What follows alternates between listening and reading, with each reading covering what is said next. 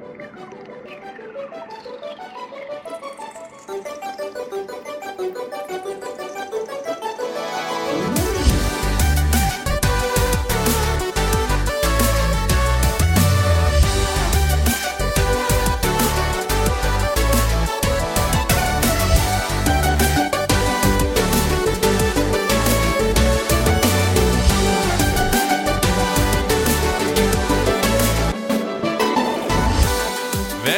Velkommen tilbake til nederlandslagets Sidequest. Ah, vi er halvveis i en deilig fortelling om den sjuke, sjuke lauren eh, i God of War, som baserer seg litt på eh, ekte mytologi fra gresk mytologi, og litt på fiktive, deilige historier spunnet opp i Santa Monica Studio. Mytologi er som kjent ikke fiktivt, så Nei, nei, mytologi er ikke fiktivt. Nei. korrekt. Nei, altså, religion, ingen religioner eller mytologi eller noen ting er fiktivt. Alt stemmer, alt er ekte og tvinnes inn i hverandre på uh, deilig vis. Uh, kan ikke du, Erling Rostog, velkommen tilbake, Takk.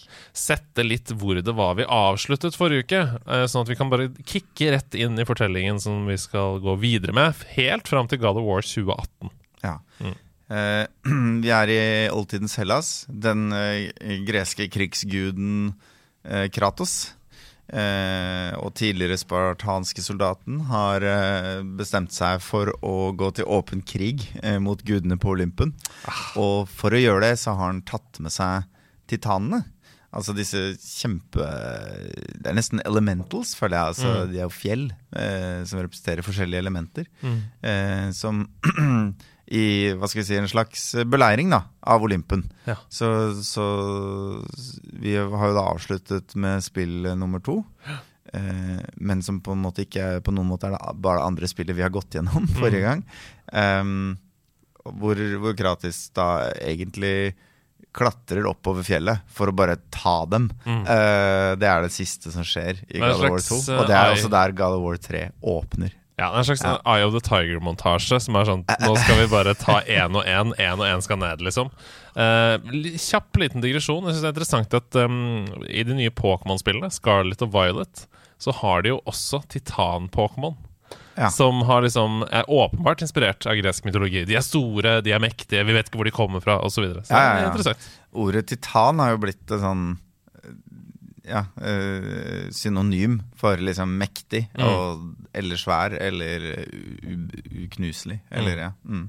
Før vi begynner på historien, så må jeg også si kjapt at God of War 3, som vi skal inn i nå snart, er jo der det begynte for både deg og meg. Det var Stemmer det første God of War-spillet vi begge spilte. Ja. Og det eh, som vi nå skal få forstå av historien, er jo eh, det, Ja, det, det er ikke Det er spektakulært. Det er spektakulært, ja. Det er akkurat det. Det er så utrolig voldsomt, så man tenker sånn Wow! Hvor har disse, denne spillserien vært hele mitt liv? Eh, Ja. Når man ser det. Vi hadde jo en liten runde her forrige gang hvor jeg ramsa opp sånn eh, seks eh, mytiske personer som dør i tur og orden, på en måte. Og, og det i seg sjøl var ganske spektakulært, men og, det første God of War-spillet starter jo rett inn i en boss battle, som var liksom banebrytende den gangen. Men uh, jeg hadde jo et inntrykk av at hele God of War var sånn som God of War 3 var. um, da jeg spilte det første gangen. Men uh, la oss bare si det sånn at God of War 3 skrur det til 11. Ja, det ganske heftig. Så God of War 3 starter jo rett inn i en cutscene hvor Kratos sitter på skulderen til Gaia, tror jeg det er. Mm. Uh, mens hun klatrer opp Olympen, da, og liksom gudene står oppå en veranda og ser ned og bare OK, samle troppene, her er det krig. Mm. Eh, og det første som skjer, er at Poseidon, Mm. som jo er kjempesur fordi Kratos ødela Atlantis i forrige spillet, eh, drar ned for å på en måte møte dem midt i fjellsida, litt sånn halvveis. Mm. Eh, og så dreper Kratos han. Det er- Skal ikke mer til. Nei, skal ikke mer til. Det er ganske mye quicktime events, mye Ja. Mm. brutal vold, mye spektakulær eh, litt, Nesten litt sånn mangaaktig eh, kjem- kamper. For dette var jo midt i quicktime events sin storhetstid. Ja. Uh. Mens God of War kanskje er et av de få spillene hvor det funker. Ja, det er okay. faktisk det. I det. Eh, Det funker til og med i uh, de nye, altså Ja. de moderne. Ja, til og med i Ragnarok. Selv om jeg begynner å bli veldig lei av det. Altså. Men uh, ja, det funker. Um, I menyen det må jeg bare si kjapt, da i menyen i God of War 2022 Ja. så kan du velge da om du vil slamme på knappen Ja. under quicktime, eller bare holde inne. Ja. Jeg bytta til holde inne. Du gjorde det? Ja, ja, ganske fort, ja. Ja. Er, eh, det er én boss jeg sleit skikkelig med, hvor jeg kanskje burde ha gjort det. Men jeg løst, klarte det uten, da. Men, ja. Nei, det er bare fordi det er kjedelig for meg, liksom. Ja, jeg skjønner det. Eh, men i hvert fall eh, De slåss jo på armen til Gaia, eller noe sånt. Så det er liksom sånn Det er ganske sånn heseblesende. Så står du liksom på et lite hva skal jeg si, fjellutspring, men det er jo egentlig skulderen til Gaia først. Og så Mm. liksom slåss du litt der, og så er det en cutscene, og så blir man kasta litt rundt, og så plutselig er du nedpå en fot eller ut på en arm, eller altså sånn. Så det er, det er ganske sånn eh, heseblesende og mye akrobatikk. Um, men når de kommer til toppen, da, Gaia og Kratos, etter å ha drept eh, Poseidon, så kaster jo Sevs bare et lyn på dem. Uh, og vel river armen til Gaia i to, eller noe sånt. Så Jeg skjønner hvorfor han ikke bare gjorde det hele tiden. Men det er jo greit nok. Eh, game logic, video game logic. ja, ja. Så de forsøker å holde seg fast, og Kratos henger jo da fast på ryggen til Gaia. Og så skjer det noe litt uventa, nemlig at Gaia konkluderer med at uh, nå har vi jo fått det vi trenger, vi, ut av Kratos. Mm. Ikke sant? Han har hjulpet oss å på en måte uh, ta en take two av denne krigen mot gudene som vi tapte for millioner av år siden. Mm. Så nå trenger jeg ikke han mer. Så Gaia bare rister av seg Kratos. Forræder han, rett og slett. Um, og Kratos uh, faller jo da nedover. Hvor havner man når man faller nedover i dette universet? Hvis man faller langt nok? Hmm. Man handler i underverdenen. Rett i dødselven Styx. Ja, det er veldig behagelig, da. eh, At det er vann der du lander. han kunne ha landa i eh, Rett ned i en lavapøl eller Ja, ja. noe sånt noe. Ja. Da kommer Athenes eh, spøkelse opp. Kratos drepte jo henne i forrige, Mm. forrige eh, runde, men hun er nå plutselig på tilbudssiden og tilbyr seg å hjelpe. Mm.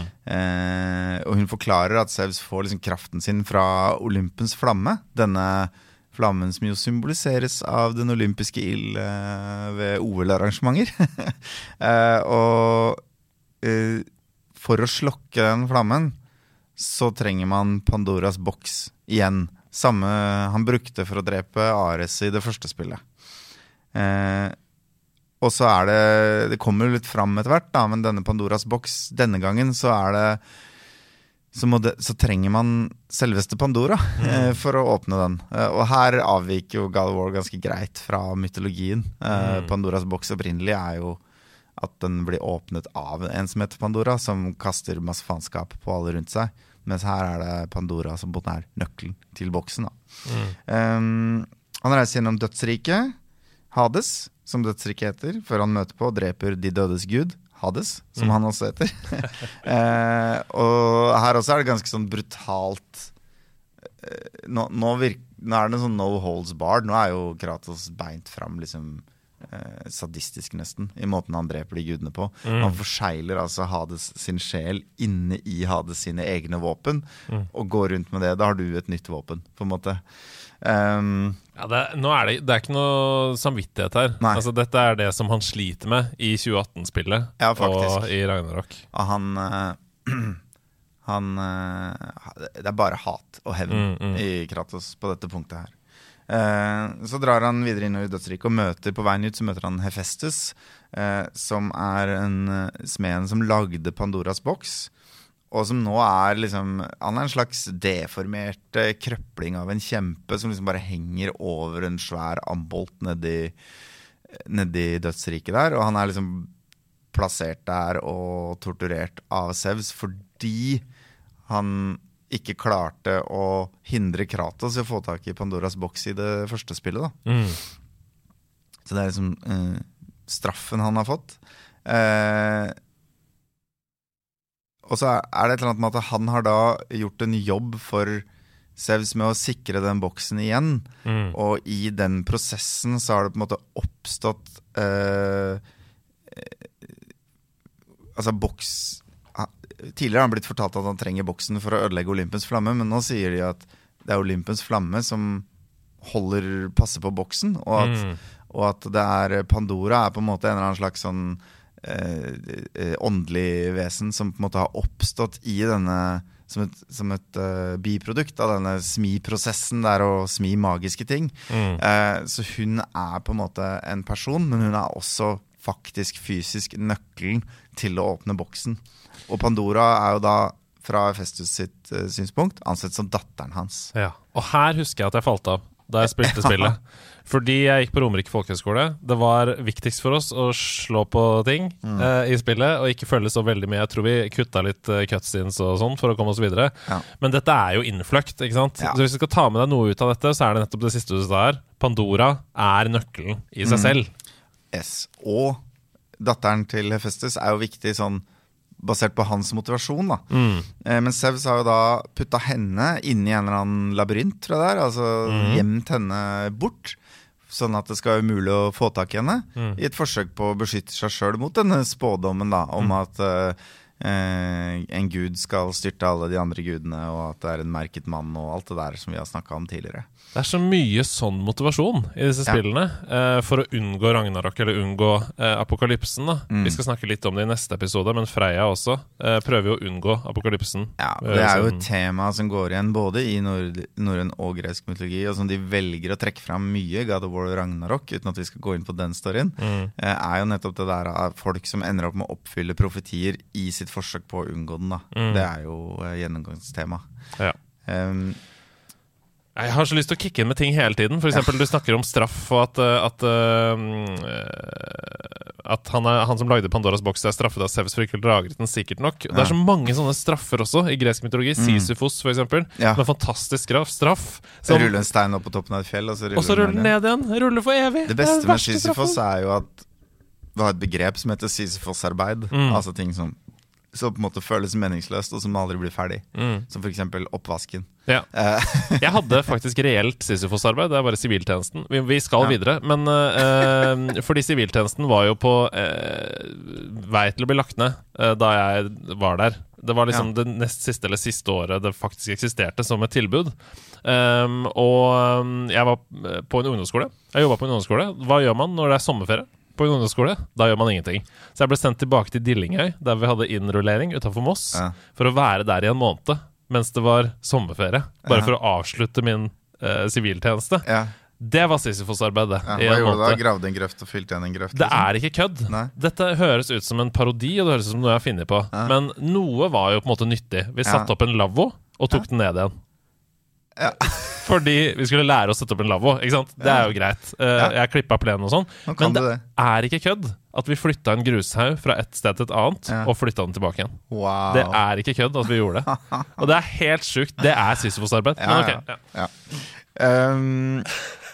Jeg må innrømme at på dette punktet så syns jeg storyen er litt uklar og, Mm. og havner litt i bakleksa. Men det er også på en måte ikke så viktig, for her er det boss battles Ja. annethvert sekund. Ja. Og det er det som er gøy, og det er det som er det spektakulære. Mm. Men Hefestus sender altså Kratos for å finne en magisk stein. Han sier at uh, 'jeg kan smi et våpen til deg'.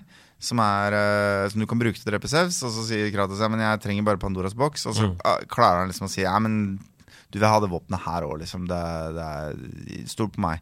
Og så på veien dit så møter han uh, Helios. Uh, solguden han redder i uh, Hvilket er det, da? Et- Et av disse prequel-spillene. Mm. Det er en ganske spektakulær uh, cutscene, på, eller quicktime-event der, hvor han river hodet av solguden, som jo har lysende øyne, og så går han rundt med Helios sitt hode som lommelykt resten av spillet for å finne veien i mørke huler og sånt noe. Uh, og så dreper han Hermes på enda mer spektakulært vis. Hermes er jo gudenes budbringer. Han har sånne små vinger på føttene, og Kratos hakker av ham beina rett under kneet. Og ta på seg liksom vingene hans. Og da får du nye moves uh, som spiller. Det er også helt sjukt grotesk. Jeg husker jeg ble helt blåst ut av stolen da jeg satt og så på det der. Uh, så møter han sin egen Ja, så, så dreper han en titan som heter Tetis. Og så møter han sin egen halvbror, Hercules, som burde hett Herakles. Mm. Kjepphest fra min side. Herakles på gresk, Hercules på romersk. Ja. Hvis, uh, hvis eh, Guds sønn og verdens sterkeste mann heter Hercules, så skal også faren hans hete Jupiter, Ja. ikke Sevs. Men men det er ikke kommersielt nok med Herakles. Nei, det, det slaget er tapt etter at Disney gikk på samme blemma. Ja. Um, så møter han Poseidons uh, konkubine. eh, eller prinsesse, eller noe sånt. Mm, mm. Og det er en problematisk scene. Ja. Uh, du er inne i en eller annen sånn labyrint som er full av portaler og sånn. Det er liksom designa for å ikke finne veien ut. Mm. Masse fiender og sånn. Og så møter du eh, henne i et fengsel. ja. Og når hun ser deg, så vet hun hvem du er. Så hennes reaksjon er ikke 'Å, min redningsmann'. Hennes reaksjon er bare 'Stay away from me! Jeg vil ikke dø', liksom. og så, og så insisterer du liksom på å frie henne. Og da er det en lang sekvens hvor liksom han tar henne liksom hardt i armen og dytter henne foran seg og er skikkelig abusive, liksom. Mm. Og drar henne gjennom denne labyrinten. Og så er det avbrutt av at du må slåss med fiender, og hun står og pisser i buksa i et hjørne og skjelver av frykt og sånn. Og når du liksom kommer til slutten, så er det en eller annen sånn derre dørmekanisme med et svært sånn derre eh, En sveiv. Altså ser litt ut som et um, et ror på et skip som stikker ut av veggen. Bare at det er like høyt som to menn og lagd av metall, liksom, som du må dra i for å åpne dører. Det er masse av de. Men for at den døra da skal holde seg oppe, så tar Kratos denne jenta, som da har tryglet for sitt liv i liksom den siste halvtimen, ja. ja, og slenger henne inn i den mekanismen, sånn at kroppen hennes fysisk liksom hindrer Ja. den i å rulle tilbake. Som en sånn kile, liksom. Ja, som en kile. Mm. Og, som om, og så tenker du kanskje at det er tortur, men det ender jo faktisk med at hun bare splattes, deles i to rett etter at du har gått inn døra. Så her, her husker jeg kjente litt på det der greia med God of War som sånn Piken av toxic masculinity, for dette Mm. blir jo liksom framstilt som kult. På en Ja, eller annen måte. absolutt. Og det, God of War har jo et eh, problem med seg selv, et identitetsproblem på Mm. Ja. dette tidspunktet, eh, og bygger opp under kanskje noe av det verste fra gaming tidlig 2000-tall. Ja, stereotypien er- stereotypien gamere, på en måte. Ja, eh, og dersom man ikke gir på en måte Call of, Duty noe eh, positiv eh, tanke bak No Ja. Russian-missionet Ja. Eh, fordi det var jo meningen å få deg til å tenke som spiller. Ja, Hvis du tenker at det bare var voldsporno, da, Ja, så er det på en måte det samme. Ja. Um, Og det, jeg føler vel at alle de der eh, greiene om at Kratos ikke liker seg sjøl sånn i de moderne spillene, det er retconna, liksom. Det er Mm. ikke noe de tenkte på Nei, det heller. det. Det, virker ikke som om de forsøker å få meg til å tenke uh, What have I become? Nei, nei, på noe punkt. ikke det hele tatt. Nei. Uh, og, det, og så hjelper det liksom ikke at rett etterpå så møter du Afrodite, kjærlighetsgudinnen, og da er det liksom et minigame hvor du skal pule henne. Ja, det er, det, akkurat dette her er jeg helt enig i. Vi er eh, i et, eh, på et mørkt sted, og det er ikke sånn jeg, Vi snakka tidligere om at man har panna ut historien for flere spill og sånn. Det Mm. kan godt hende at de begynner å nærme seg en slutt her, Fordi dette er jo God of War 3, eh, og det neste hovedspillet i serien, Ja, det er jo God of War 2018. ja. Og Så da jo- har de på en måte reinventa Kratos. Nettopp. Ja. Så det kan godt hende at dette var slutten.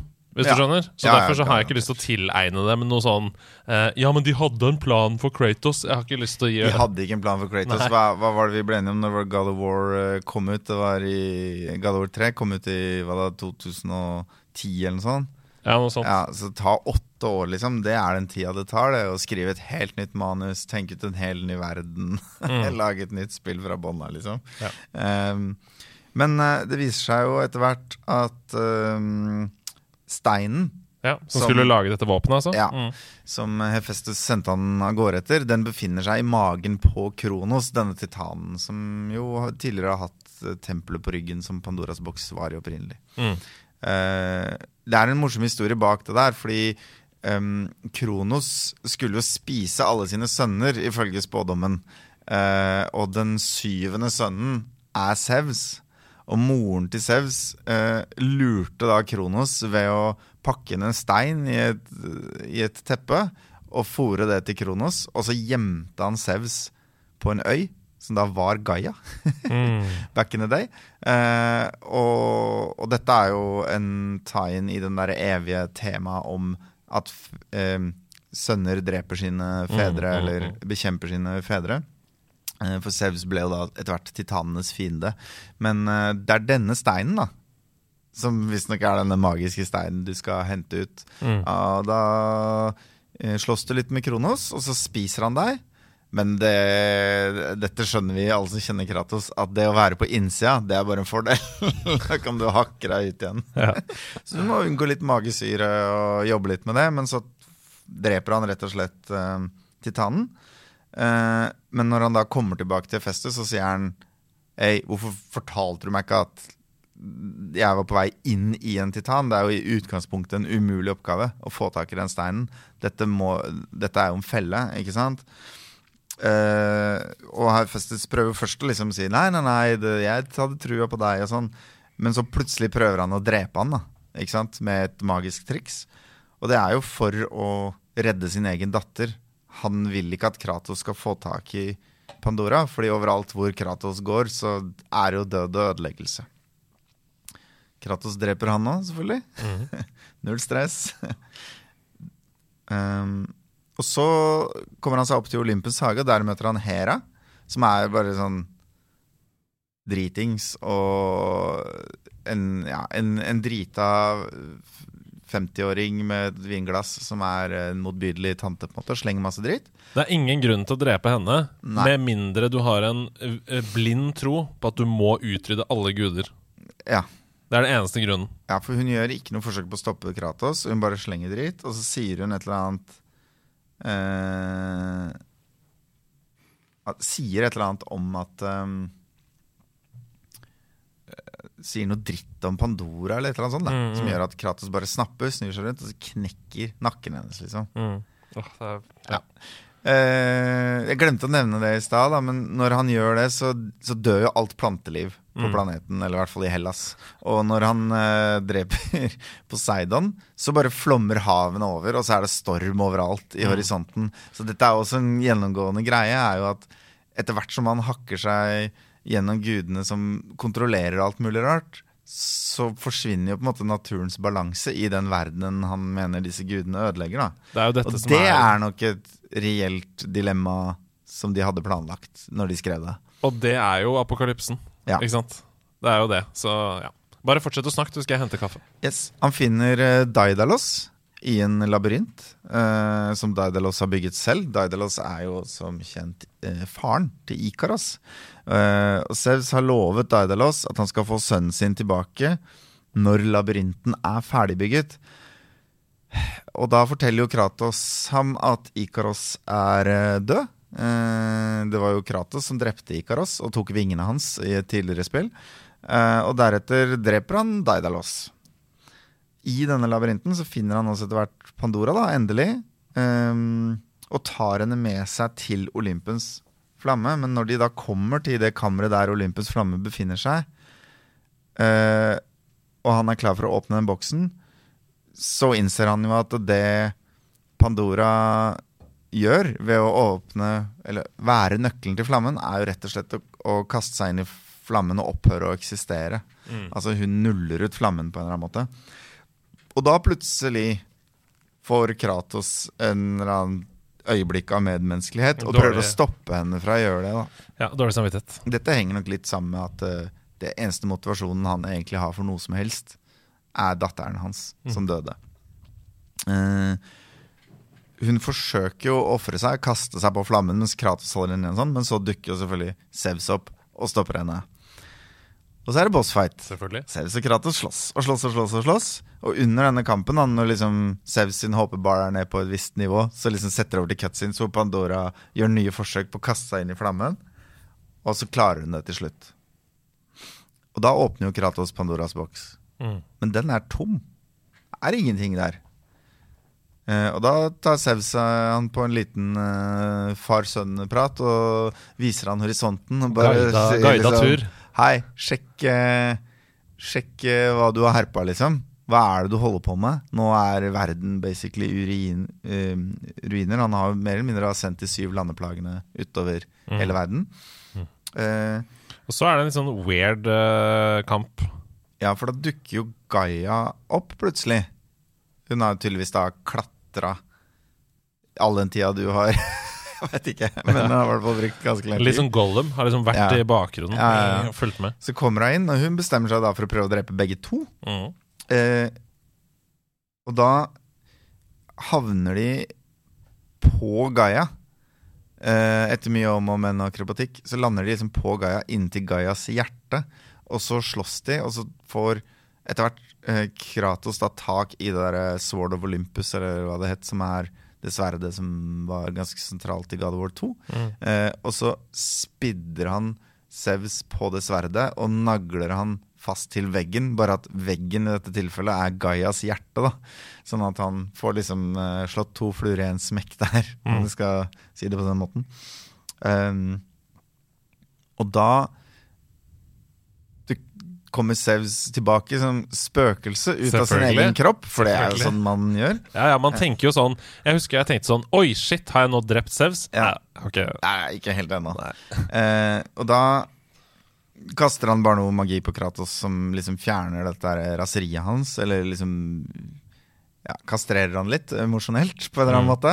Og, og, og fanger han i en slags sånn drømmesekvens hvor han bare gjennomgår de vonde minnene sine om å ha drept sin egen eh, kone og datter om igjen og om igjen og om igjen. Og om igjen. Og så dukker Pandora opp i den drømmen og guider ham ut. da Og mm. hjelper han å på en måte bryte den forhekselsen. Eh, og da Løsningen til Kratos da når han kommer ut Og dette er en ganske baller move. da Han klemmer liksom spøkelset til Sevs tilbake i kroppen, så at den kan drepe den en gang til. så jeg syns det er legendarisk, Ja. faktisk. um, og da spidder han ikke på sverd. Da er det isteden litt mer sånn nevekamp Ja. til det bare er kjøttdeig i ansiktet hans. Um, da er liksom spillet egentlig over. Mm. Athene dukker opp, gratulerer Kratos og ber ham gi kraften han fant i Pandoras boks til henne, slik at hun kan bruke den til å lede Hellas inn i en ny storhetstid. Eh, for det, det er, viser seg nemlig sånn at da Kratos åpnet Pandoras boks i God of War 1 Mm. for å bli stor og sterk og drepe Ares, eh, så eh, ha, så har på en måte noe av den kraften manifestert seg i Kratos permanent. da. Mm. Eh, og eh, Pandoras boks er jo egentlig boks som inneholder på en måte all ondskap og faenskap i verden. Som vi vet fra Paradise Hotel. eh, Ja. Når de åpner Pandoras eske. Og, um, og, og det Athene hadde gjort for å på en måte holde denne makten i sjakk da de lukket boksen opprinnelig, var å kaste noe av håpets kraft inn der også, for å på en måte balansere det litt. på en måte. Og hun hadde en forventning om at når han åpna Pandoras boks i det første spillet, så ville alle disse onde kreftene sette seg i han, gjøre han veldig sterk, men også korrumpere han fullstendig. Men det som i stedet skjedde, var at de onde kreftene satte seg i alle Olympens guder og gjorde dem paranoide og hevngjerrige. eh, Og gjorde Kratos til et slags vessel for håpets kraft. da. Og dette er jo da det hun mener Disse kreftene kan hun eh, bruke til å på en måte remake verden på en Mm. eller annen måte. Mm. Eh, og, og det var Ja, og det, og det er eh, måten han på en måte kommer seg ut av denne eh, drømmen sin, som Zeus har fanget han i. Det er ved hjelp av Pandoria, men det er også ved å tilgi seg sjøl og, og slippe løs denne kraften fra sitt indre. da Mm. Så det er litt sånn derre exposition på slutten av filmen. Ja, nei, det var dette som egentlig skjedde. eh, type scene, da. Ja, og så er det jo alltid sånn at øhm, det er de indre konfliktene som er de som setter sterke spor i oss som spiller. Ja. Ikke det at vi nødvendigvis har slått ned Sevs. Uh, ja, kanskje fordi det var kult, men det som man alltid prøver med en historie, er jo sånn Det er, det er kampen inni deg selv Ja, ja, ja, som er den du må kjempe. Ikke sant? Jeg Så- ikke, Det var ikke det jeg satt igjen med etter det. Nei, nei, men det er det de prøver. Det er det de prøver som historiefortellere. Sånn, hvis du tilgir deg selv, det er da verden blir healed. På en måte. Ikke sant? Kratos ser jo da utover en ødelagt verden hvor det liksom flyr bevingede demoner og liksom kaster sjømenn opp i lufta mens lynene slår ned overalt, og det er bare vann med fjelltopper som stikker opp, og det ser ganske jævlig ut. Så han Mm. konkluderer med at uh, det er ikke noe igjen å redde, og det er heller ikke noe igjen å leve for. Mm. Um, så han uh, spidder seg selv, da. Tar rett og slett sjølmord. Mm. Og på den måten så slipper han løs dette håpets kraft. Så da, Det tror jeg ikke var intensjonelt, men det skjer. Og da kommer den menneskeheten til gode, istedenfor å gi den makten til en gud som jo tross alt på en måte egentlig har fått sin sjanse til å styre verden. Um, Så det er liksom det ultimate offeret, da, nok en gang. Ja. Du ofrer deg ja, selv. og så er det jo på en måte en ny æra, da, hvor på en måte Olympens guder er forlatt. Det er jo en slags metafor på moderne tid. da, Mm. ikke sant? Olympens guder er nå maktesløse, ikke-eksisterende og borte. Men menneskeheten får en ny mulighet til å bygge, bygge en sivilisasjon igjen. Er det samme som skjer i Ringenes herre også? Alle sier sånn hva, Ja. er neste, hva er det neste som skal skje nå? Jo, The World of Men. Vi må stole på dem, liksom. Mm. Ja, er- Alvene forlater verden, ja, magien forsvinner med dem, og så er vi på industrien. Mm. Eh, Athene blir jo dritforbanna, så hun bare forlater Kratos for å blø i hjel. Og så er det en cutscene på slutten hvor vi liksom ser det stedet der Kratos lå, men det er et blodspor som fører mot havet. da Mm. Og rett og slett krabba ned til sjøen. Um, Så han er ikke død. nei, det er, men det er jo sånn all, det, det kan være bestemt i styret i Santa Monica Studios, føler jeg. At liksom, ja, kult spill. Uh, sleng på en litt open ending, da, tilfelle vi skal lage noe seinere. Ja, ja, ja. Um, men det ble jo laget en tegneserie som følger opp dette. Eh, hvor Kratos på en måte seiler i en bitte liten båt. Så han har liksom kommet seg ned til havet, da, tydeligvis. Mm. Og, og seiler av gårde for å unnslippe fortiden sine. Og, og det er en sånn der gjentagende greie at han tar disse Blades of Chaos, som er jo fortryllet fast i han. Mm. Um, av Ares i sin tid, som et tegn på hans eh, hva skal jeg si, trellbundethet til den tidligere krigsguden. Han kaster de havet, på havets bunn og liksom inn i raviner og prøver å kvitte seg med de om og om igjen. Og hver gang han våkner opp, eller sånn, så bare ligger de der ved siden av han. Så han blir liksom ikke kvitt fortiden sin, da. Der reiser han til Egypt og blir fortalt at han må lære seg å omfavne skjebnen sin. Så reiser han videre til Midgard. Eh, hvor han eh, lærer seg å meditere og prøve å, å bli en sindigere og roligere fyr. Og dette er på en måte forklaringa på hvordan Kratos i The New God of War 2018 er en såpass annerledes fyr enn han, enn, han, eh, enn vi husker han som. da Mm. Eh, han møter da en kriger som han slåss med, og de slåss og slåss og slåss. Og slåss Og så til slutt så er det sånn Ok, uavgjort. Det har aldri skjedd før i Kratos eh, nei. sitt liv. Eh, eh, og dette er jo da viser seg å være Kratos kommende kone. eh, Faye. Mm. Som, vi, som Kratos ikke vet på det punktet, men som vi lærer Nå kommer det spoilers fra God of War 2018, men ikke Ragnarok. Mm. Det kan være greit å være være- ja. tydelig på. Ja, fordi det er ganske mange som spiller God of War 2018 for første gang nå. Ja. Nettopp fordi God of War Ragnarok har kommet, og Mm. fordi det har solgt eh, Altså, det har jo satt salgsrekord for PlayStation, eh, eksklusive titler, noensinne. Ja. Altså På den første uka solgte det 5,1 millioner eksemplarer. Så eh, det er mange som spiller God of War 2018 Ja. for første gang. Så vi bare Hvis du skal spille det nå for første gang, Ja. så kommer det noen spoilere her. De er ikke enormt store. Altså, de har ikke så mye å si for liksom, hvordan du Hva skal jeg si, den, den, den generelle storyen. Men Nei. noen av de avsløres jo faktisk i siste scene på en måte i spillet òg. Ja. Så det er, ja. Ja. Men eh, vi, vi må, for å forklare historien opp Mm. til og med 2018, så blir det litt av det nå. Ja. Så ja. Du får er heller ta og skru av denne podkasten på dette tidspunktet, da, og så høre resten når du har spilt ferdig 2018. Ikke sant? Nei, for Det viser seg jo da at uh, hans kommende kone er jo en jotun eh, som heter Faye. Og som også har hatt masse profetier og sånn. Dette vet ikke Kratos, men han blir jo da forelska i henne og, og lager et liv sammen med henne. Og de får en sønn sammen. Jeg tenker sånn her Mm. Når du for første gang i ditt liv Du har drept alle Olympens guder, og du er helt vill kriger, og for Mm. første gang i ditt liv så møter du en som matcher din styrke. Ja. Kanskje uh, tappe litt inn i det, eller? Prøve å finne ut av hvor hun har fått de kreftene fra. Ja, I stedet for å bare tenke sånn Hei, dette var en helt rå dame. Samtidig så er jo Kratos, i hvert fall den versjonen vi møter i God of War 2018, Ja. er jo en um, en, en fyr som egentlig Han vil ikke vite om Nei, nei, guder nei. og sånn. Og han har lagt lokk på veldig mye av sin egen fortid. Ja, I så og sine egne grad, følelser. Ja, Ja. I så stor grad at han kanskje til og med har glemt det. Det er Litt som en sånn PTSD, sånn traumegreie. At han, det er noen ting han ikke husker. Så med en gang det blir snakk om liksom noe eh, noe hvem er hvem i, i Mm. Midgard,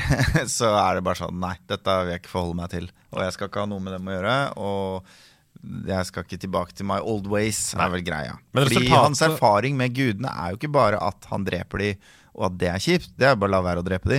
Men hans erfaring med guder generelt er jo at de er konspiratoriske, onde, stole på. lurendreiere, ikke til å stole på osv. Men resultatet av dette er i hvert fall at de to får en sønn. Yes, Som de kaller Atreus, som er oppkalt etter Atreus of Sparta. Som er en, da en kriger eh, i Kratos sitt gamle kompani. Eh, som skilte seg ut ved alltid ha godt humør og smile når de andre hva skal jeg si, bet tenna sammen og var rasende idioter hele tiden. Um, og Kratos bruker veldig mye av tiden i den tegneserien på å bekjempe indre demoner, på å meditere og sånn, og det fører til at det er Faye som lærer alt hun kan til sønnen. Det er Faye som har lært han alfabetet, og det er Faye som har lært han å jakte. Så både, hva skal jeg si, hvis det skal være stereotyp her, så lærte han Hun har vært både mamma og pappa for, eh, for eh, Atreus. Um, etter hvert blir han også syk av en mystisk sykdom som kommer og går, som bare gjør han svak plutselig, og hvor han liksom hoster litt blod, og det er ikke så nice. Og dette skal senere vise seg, og dette er en avsløring som skjer sånn en tredjedel ute i Gala War 2018, viser seg er forårsaket av at Atreus sine gudekrefter han er jo sønn av en jotun og en krigsgud, eh, er i ferd med å manifestere seg idet han nærmer seg puberteten. Men, men eh, fordi han ikke vet han er gud, så kjemper kroppen hans på en måte imot dette, på en eller annen måte, og det gjør han syk og svak. da. Eh, etter en konflikt med noen lokale barbarer og et eh, blodbad uten like, fordi konflikter følger Kratos overalt hvor han går, så slår de seg til ro med å sette opp en sånn magisk beskyttelsesring. Altså de um, enchanter en sirkel av trær i skogen der de bor, sånn at ingenting som kan, ønsker dem vondt, kan gå inn, eller, inn over den regjeringen. Så da bor de basically i en boble inni skauen i et sted som ligner litt på Norge. Det er også ganske skjult Altså det fører til at de er skjult. Altså, Ja, At eh, de ikke blir ja, oppdaget. de, Mm. altså Folk kan ikke komme inn dit, men de kan heller ikke vite at de er der. Nei. På en måte Eh, ja, for det er klart at hvis noen hadde visst at de var der, noen med mye kunnskap og makt, så ville de kanskje kunne ha funnet en måte å bryte den beskyttelsen på, da. Ja. Uh, og så kommer vi da til God of War 2018, og her er det jo et stemningsskifte. Ikke sant? Bort med toxic maskulinitet. Eller Kratos er jo fortsatt en veldig maskulin fyr som ikke snakker om følelser og grynter til svar. Eh, og i starten så tenker du å, tøffe Kratos, han er så sterk og han fremstår sånn. Og så blir det liksom sakte, men sikkert bitte litt komisk. Det blir jo humorgreie, liksom. At uh, han er en mann av få ord. Og så blir det etter hvert litt tragisk. Fordi hans kontakt med, med sønnen på en måte lider av det. da. Så her plutselig går man fra å liksom button-mashe Ja, det er på en måte, han går fra historiefortellingens svar på button-mashing til eh, ganske sånn sofistikert, gjennomtenkt eh, stemning, da. Mm. Og mellommenneskelige relasjoner. Som jo er noe, mye av grunnen til at God of War 2018 har blitt så kritikerrost som det har blitt. Det er også mye av grunnen til eh, en reaksjon som jeg syns er helt eh, krise, eh, som har ført til at mange kaller det God of Woke. Eh, Som dessverre er veldig trist. Men Ja, det er eh, bullshit, ass. det er jo de samme som bare ønsker at vi skal være i God of War 3. Ikke sant? At, det skal, at det bare skal være uh, det du snakker om som en blodorgie og voldsporno. Ja. Og, men det er, altså, det er jo nok av voldsporno i God of War. Absolutt. Absolutt. Null stress. Um, vi møter i hvert fall en roligere Kratos, og det første som skjer, første trykket på kontrolleren, er jo at du trykker på en knapp for å hogge med en øks inn i et tre. Mm. Og det er jo da Kratos som skal da uh, brenne sin kones lik. Altså Det første som skjer, er at hun har dødd. Vi ser henne aldri i God of War 2018. Vi bare hører henne omtalt. Og de hogger da et tre som på forhånd er merket av henne, for å bygge likebollet Altså hun har spesifikt sagt det treet skal utgjøre mitt likeboll Mm. Så de hogger det ned og frakter det med kano nedover elva og liksom gjør som hun sier, da. Og så har hun også sagt at hun ønsker asken sin spredd på verdens høyeste fjell. Mm. Uh, og det er jo på en måte uh, planen. Og så kommer det major spoilers. Mm.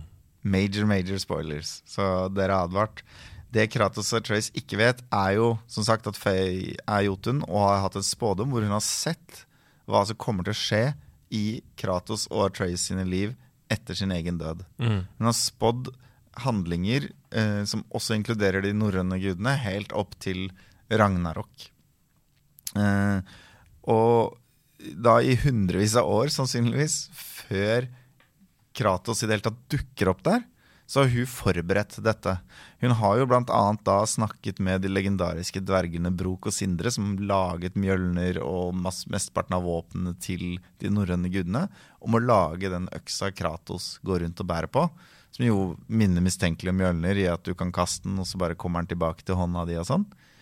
Um, hun har reist over alle de ni landene, for det er sånn ni forskjellige realms som er knyttet sammen med Midgard i midten.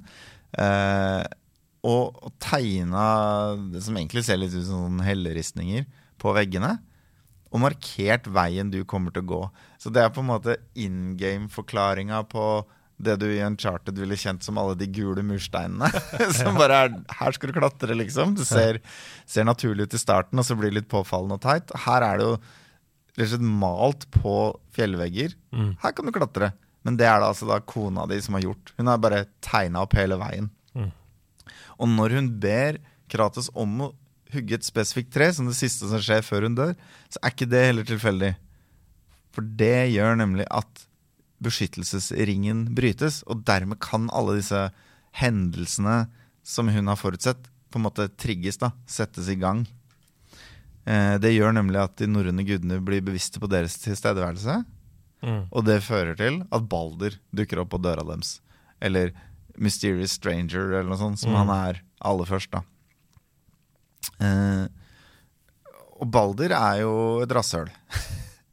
han er en ordentlig ubehagelig type. Mm. Som er sånn 'Hva gjør du her?' Spill it, ut med det, kom igjen og vis meg styrken din. Og du skjønner ikke hvor han er fra, du skjønner ikke hva han vil. Mm. Eh, så Kratos sier han sånn 14 advarsler, og du tenker sånn Hoho, nå skal God of War, nå våkner han igjen. Og så slår han Balder ganske hardt. Sikkert nok til å stoppe en bjørn, liksom, men ikke nok til å rive Olympen hardt, hvis du skjønner. Mm. Eh, og Helt så bare sjuk eh, match. ja, Altså, og det så er, rister Balder det av seg, og så begynner en, en kamp som jeg, jeg kalte kampen i stad litt sånn anime. Ja, Dette er jo tatt ut av Dragon Ball, liksom. helt vilt. Dette er, ja, dette er, og dette er det beste anslaget du kan ha for et uh, spill generelt, ikke Mm. Ja. bare et God of War-spill. For jeg var helt fullstendig hekta etter den matchen. Da Ja. var det umulig å legge fra seg spillet. Ja, og det er jo legendar... De, altså de to gutta er like sterke. Balder er usårlig og føler heller ingenting. Altså Han føler ikke smerten av at Kratos banker dritten ut av han. Du dreper Balder sånn tre ganger, basically, altså etter HP-baren å dømme, men han regenererer bare og kaster seg inn igjen. Um, og de bryter så hardt at beina deres splitter fjellet de står på i to, liksom. Og lager en ny eh, ravine nedi bakken. Mm. Og der har også kona di vært og tegna opp, forresten. Nedi der, når det er sagt. Um, det ender med at Kratos knekker nakken på Balder, hvor han tilsynelatende dør, for han blir helt slapp, og så kaster han ned i en kløft. Og så sier Kratos uh, 'vi skal dra'. Og dette er jo interessant, da, for Kratos har nettopp konkludert med, etter hva skal jeg si, tutorial-området, at Atreus er for svak til å bli med på turen opp på det høyeste fjellet pga. den mystiske sykdommen sin. Uh, men uh, nå sier han bare 'vi drar'. Mm. Han skjønner at uh, deres posisjon er kompromittert. Han skjønner ikke hvorfor, han skjønner ikke hvem det er som er ute etter han. Eh, Det viser seg jo seinere at eh, Balder tror jo at Kratos er en jotun. Mm. Og Odin, Odin har jo på en måte erklært jotnene som sine Fiender. eh, erkefiender, og er på en måte ute etter å bare utslette dem. Så den eneste motivasjonen Balder har for å dukke opp der, er A. Finne ut om det er flere. B. Altså folkemord. Skikkelig ålreit type, med andre ord.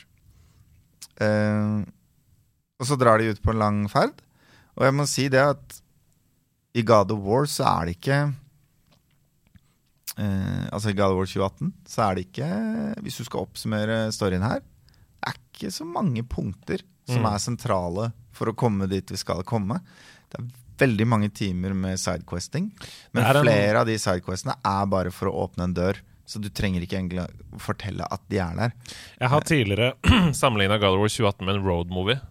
Og jeg Ja. syns fortsatt det er det. Du Ja. har et mål i enden, Mm. sånn som i Roadtrip eller Eurotrip, Ja, alle de filmene fra 2000-tallet. Ja. Ja, Og så er det ting som skjer underveis, som ikke nødvendigvis er knytta til det målet. Ikke sant? Ja. Det, er en, det er en roadmovie. Og der vil jeg si at eh, Ragnarok, som jeg nå nærmer meg slutten på, tror jeg, mm. skiller seg litt ut. Mm. Fordi du har den samme greia. Du skal fra A til B på en eller annen måte. Eh, men alle avstikkerne du tar, er med på å endre kursen din i hovedveien. Mens her endrer ikke avstikkerne kursen din. Det er bare Hei, sjekk dette universet vi har skapt. Da. Sjekk dette, sjekk dette. Og så er det liksom storymessig egentlig ikke så veldig, veldig, veldig relevant, da. Ja. Vi møter i hvert fall Brok, dvergen Brok. Eh, som viser seg er uvenner med broren sin Sindre, som han møter seinere. Møter heksa i skogen, Witch of the Forest, som viser seg å være Frøya. Mm. Frøya lever i eksil i Midgard. Hun er da forbannet, så hun ikke kan forlate Midgard.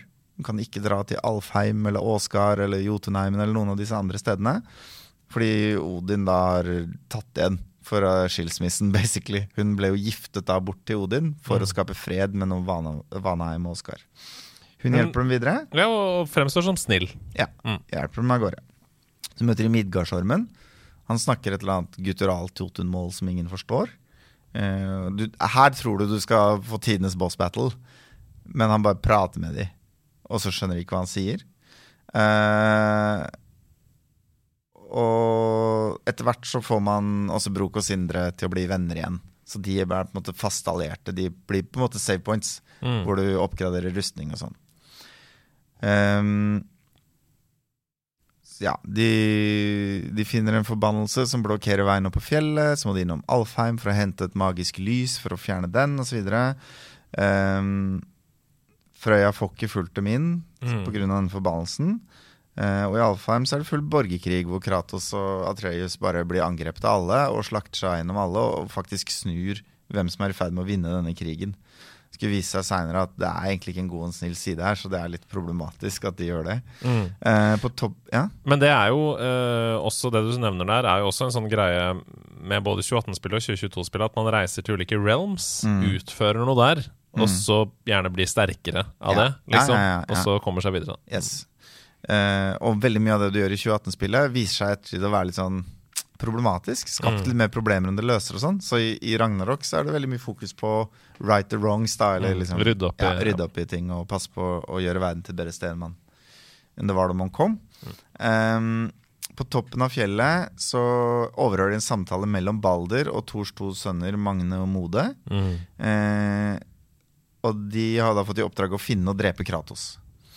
Eh, så snakker de med Mimir, som er verdens klokeste mann, men han er da som straff fra Odin fanget i et eh, tre. Så han sitter gang. fast inni et tre. Nok en gang en veldig kreativ straff. Ja. Eh, Mimir, når de slemme bad guysa stikker, så går de opp og snakker med Mimir, og han forteller at eh, Nei, nei, dette er ikke det høyeste fjellet i verden. Dette er det høyeste fjellet i Midgard. Mm. Det høyeste fjellet i verden ligger i Jotunheimen. Ah, Eh, fuck. ah, fuck, ja. Vi kan hjelpe deg dit, da. Eh, men da må du først få meg løs fra treet. Mm. Måten vi gjør det på, er å hogge av han hodet, og så vekke hodet til live igjen. Og så henger Mimir med som et hode som henger i beltet på Kratos i resten av spillet. Og kommer med både informative opplysninger og dårlige vitser Mm. eh, gjennom hele spillet. Um, nå lærer jo Kratos etter hvert at Frøya er en gud. Han får hjelp til, av Frøya til å vekke Mimirs hode til live. Mm. Uh, han er jo skeptisk til guder og prøver å trekke seg unna. Han blir sur. Han føler seg nok en gang eh, ført bak lyset av en gud som ikke hadde rent mel i posen, på en måte. Ja, ikke sant? Eh, veien til Jotunheimen er stengt, og de tror løsningen for å finne veien inn der ligger i den gamle krigsguden Tyr sitt eh, mystiske hvelv.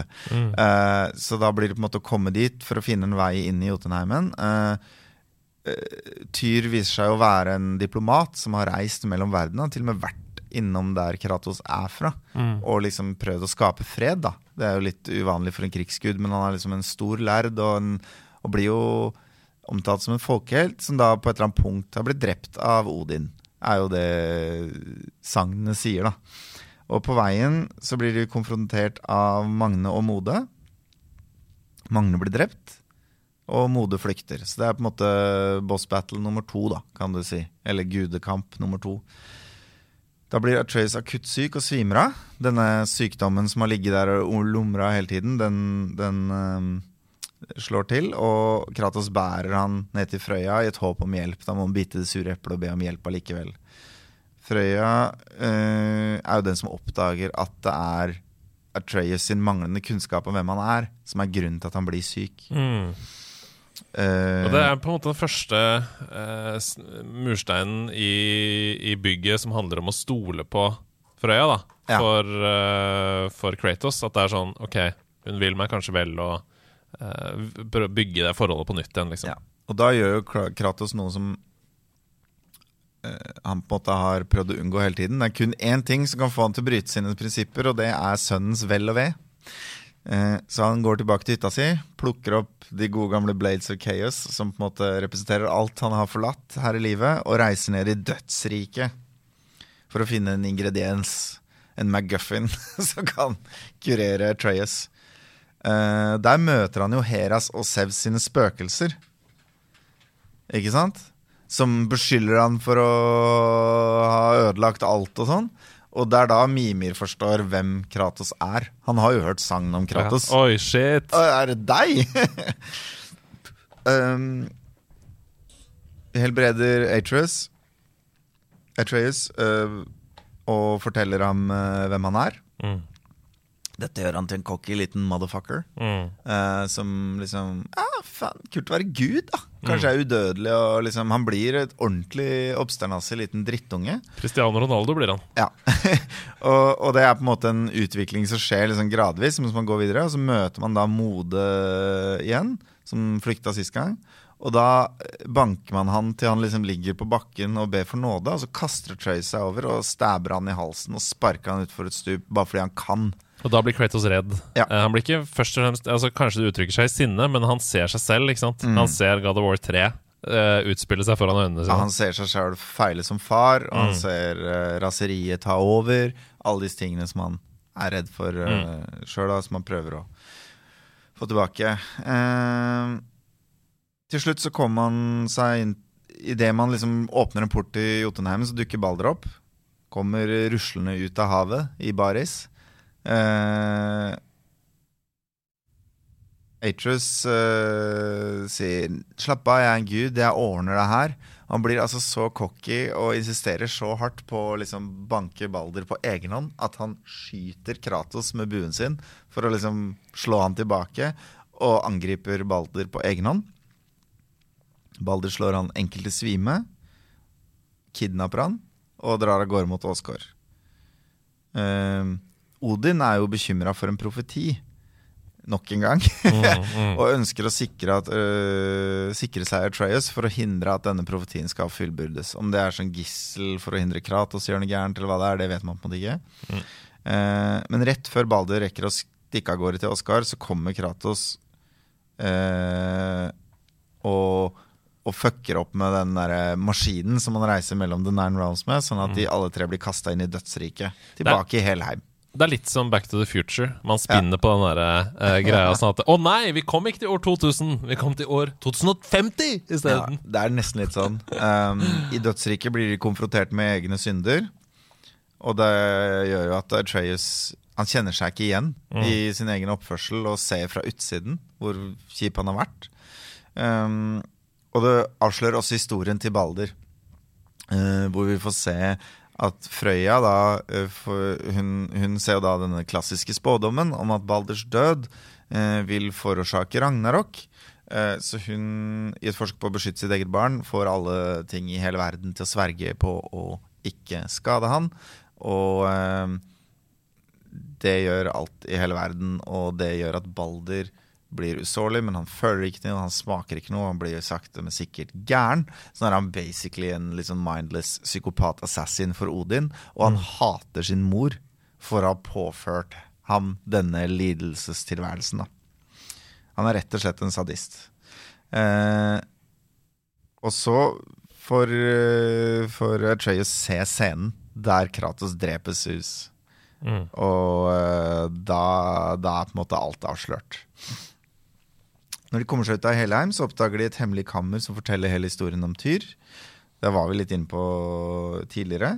Ehm, da Tyr innser at Odin, som han på en måte egentlig jobber for, da, ved å være hans krigsgud, ikke er til å stole på, så skjulte han jotnene for omverdenen i et forsøk på å beskytte dem. Mm.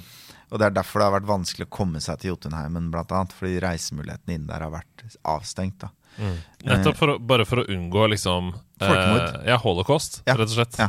Mm. Og krystallen som Fordi det, det viser seg at Odin inngår fred med andre med mellomrom.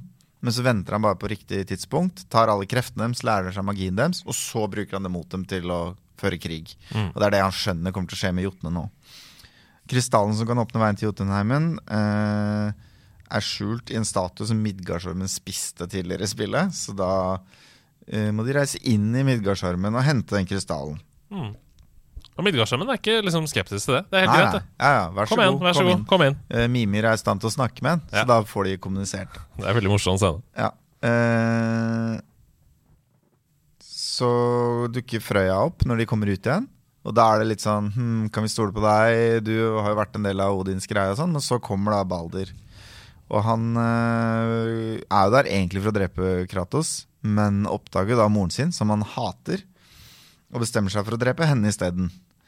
Og da stiller Kratos seg imellom. Et forsøk på å forsvare Frøya. Eh, og så forsøker da Balder å banke eller drepe Atreus for å distrahere Kratos. Men da har uh, Atreus har en liten sånn pilspiss som han har fått av Frøya, som er lagd av misteltein. Og Det avsløres vel ikke sånn egentlig hvorfor, men i den gamle nordmytologien så er jo mistelteinen det eneste som ikke sverger og ikke skader Balder. Så det er det eneste som kan bryte gjennom forbannelsen hans. Eh, og dette fører jo da um, Det er litt sånn, sånn trespyd som Ja. man tar i hjertet på vampyrer. Ja. Altså Dette er den ene tingen som faktisk kan drepe Balder. Ja. Og det er en Når Balder blir skadet av den, så ser du at han blir lykkelig. Det skjer noe sånn Åh, fordi han kjenner et eller annet. Han kan føle noe, liksom. mm. Eh, så det er en sånn Det er nesten sånn SM-aktig øyeblikk, hvor han blir glad for å få vondt. Ja. Ages- og da er forbannelsen brutt, Ja, og da kan han skades. Mm. Da er det boss battle med ny hoppebar, men denne gangen et Mm. håp om at det kanskje kan være siste gang. Mm. Um, men Atreus hindrer jo Kratos da å drepe Balder, fordi Kratos har jo nettopp prøvd å lære Atreus at eh, hei, vi skal ikke bare drepe for å drepe og sånn. Mm. Så får han den leksjonen tilbake i fleisen, og så forsøker Frøya å, å snakke sønnen sin ned. Um, hun tilbyr til og med, hvis det som må til for at du skal bli en ålreit fyr, er å drepe meg, så vær så god. Mm. Uh, og det er jo sånn klassisk uh, hva skal jeg si, bl- bløff i poker, kanskje. Eller hun mener det nok, men allikevel. Jeg som seer, da, vi skal kalle det det, tenker at dette Nå blir de venner. Balder bare OK, fett. og så begynner han å kvele Frøya i hjel. Eh, Og hun gjør ingen motstand, hun bare ligger der. ja, og da ser Kratos noe han ikke liker, nemlig barn som dreper sine foreldre, som han kjenner igjen fra sin gamle verden. Og um, innser at uh, denne syklusen er bare en måte å stoppe på. Og drepe Balder. Mm. Og Frøyas reaksjon på dette er jo å, å liksom forbanne Kratos og sverge hevn på han. eh, for å ha drept eh, denne mannen, som hun jo har forsøkt å Eller dette barnet sitt, da, som hun har gjort alt i hele verden for å forsøke å beskytte. Mm. Og som var det eneste hun på en måte hadde igjen. Det er nå borte. Nå er vi nesten ved veis ende, men de kommer seg til Jotunheimen. Eh, og der finner de jo da tegninger på veggen som har detaljert hele reisen deres. Mhm. Og som også viser om fremtidige spådommer der Kratos dør. Og det er jo skremmende. Fordi ok, Mm. her er det noen som åpenbart vet alt som skulle skje. For dette har jo skjedd, det yep. som står her. Eh, så da må jo det neste også stemme. Mm. Det er på dette punktet du som spiller får vite at kona di har visst alt hele tiden. Mm. Uh, I tillegg så nevnes det da Atreus beskrives som Loke Mm. i denne spådommen. Og, og det er han som skal drepe Odin under Ragnarok. Mm. Loke omtales som the champion of the Jotnar, eller noe sånt. Mm. Eh, og det viser seg da at det da var, visstnok var et navn som kona hans vurderte i tidlig prosess med å navne dem, men Kratos sa nei, nei, vi kaller henne Trace. Så han, han heter egentlig Loke, eller det er i hvert fall definitivt et navn som er knytta til han. Og det er det her kommer tie-in da med norrøn mytologi, ikke sant? Mm. Ja. Odin skal dø under Ragnarok, det Yes. er liten tvil om. Eh, det er flere år med fimbulvinter, Og den trigges av Balders død. Mm. Så det begynner nå, på en måte. Uh, og på toppen av fjellet så sprer de da face aske utover, og da ser man at fjellandskapet i bakgrunnen ikke er fjell, men svære jævla døde kropper. Altså en slakta slagmark, liksom. Mm. Og alle bare sånn Shit, har Odin funnet en vei inn hit allikevel? Mm. Alle jotnene er døde. Den eneste egentlig gjenlevende jotnen er jo Atreas, som er halvt jotun. Mm. Um, og så når de kommer hjem, så har Atreas en drøm om at Thor står utafor døra. Du ser bare en silhuett og noe lyn og så en hammer ved, ved beltet. Og det er jo en av de første tinga som skjer i God of War Ragnarok. Så da er er rett og slett eh, scenen satt for en eh, nydelig, nydelig oppfølger. Eh, masse som står på spill på slutten Ja. av dette spillet. Eh, du tenker sånn Å ja, dette var en tilfredsstillende slutt. Mm. Vi har spredd asken og sånn, men herlighet, vi har jo bare lagd oss en Vi har bare lagd oss en sti for eh, veien videre her. Ja, og de har jo egentlig bare ikke utretta noe heller, annet enn drepe baller. De har jo bare lagd et begravelsesritual, og det er det. Mm. Nå skal de begynne å blande seg i saker i andres business. Tusen takk for en veldig veldig nydelig gjennomgang av God of War-historien. To timer over to episoder. Ehm, det er jeg sikker på at veldig mange satte pris på, som har begynt å spille God of War med 2018 eh, og ikke har spilt noe av det før. Det er jeg helt sikker på. Og så er det noen ting som vi eh, har gått gjennom nå, som jo selvfølgelig baner vei for at eh, Kratos, Atreus, og, eller, eller ikke Atreus, kan ta turen videre til andre steder, litt som Assassin's Creed har gjort i en årrekke. Blant annet så var det en periode i Egypt der som vi ikke vet Ja. så mye om. Kanskje Kratos skal eh, få et eh, post Altså et eh, spill som går tilbake i tid for å utforske hva som skjedde der nede. Og utforske liksom uh, tegneseriedelen. Nettopp. Så det fins andre mytologier her som åpenbart uh, det er mulig å ta inne med historien. Så vi får se, det gjenstår å se. Jeg har bare lyst til å plante den ideen i hodet deres, eh, folkens. En Kratos i Egypt. Så at du om ti eh, år kan si 'called it'. Ja, og, så, og si, når vi driver og fighter Anubis der, Ja. uh, i en enorm fight, så kan jeg si sånn Hør på denne episoden der vi gikk gjennom God of War. Ja. ok, folkens, tusen takk for at dere hører på. Uh, ha en veldig fin helg, så snakkes vi snart igjen.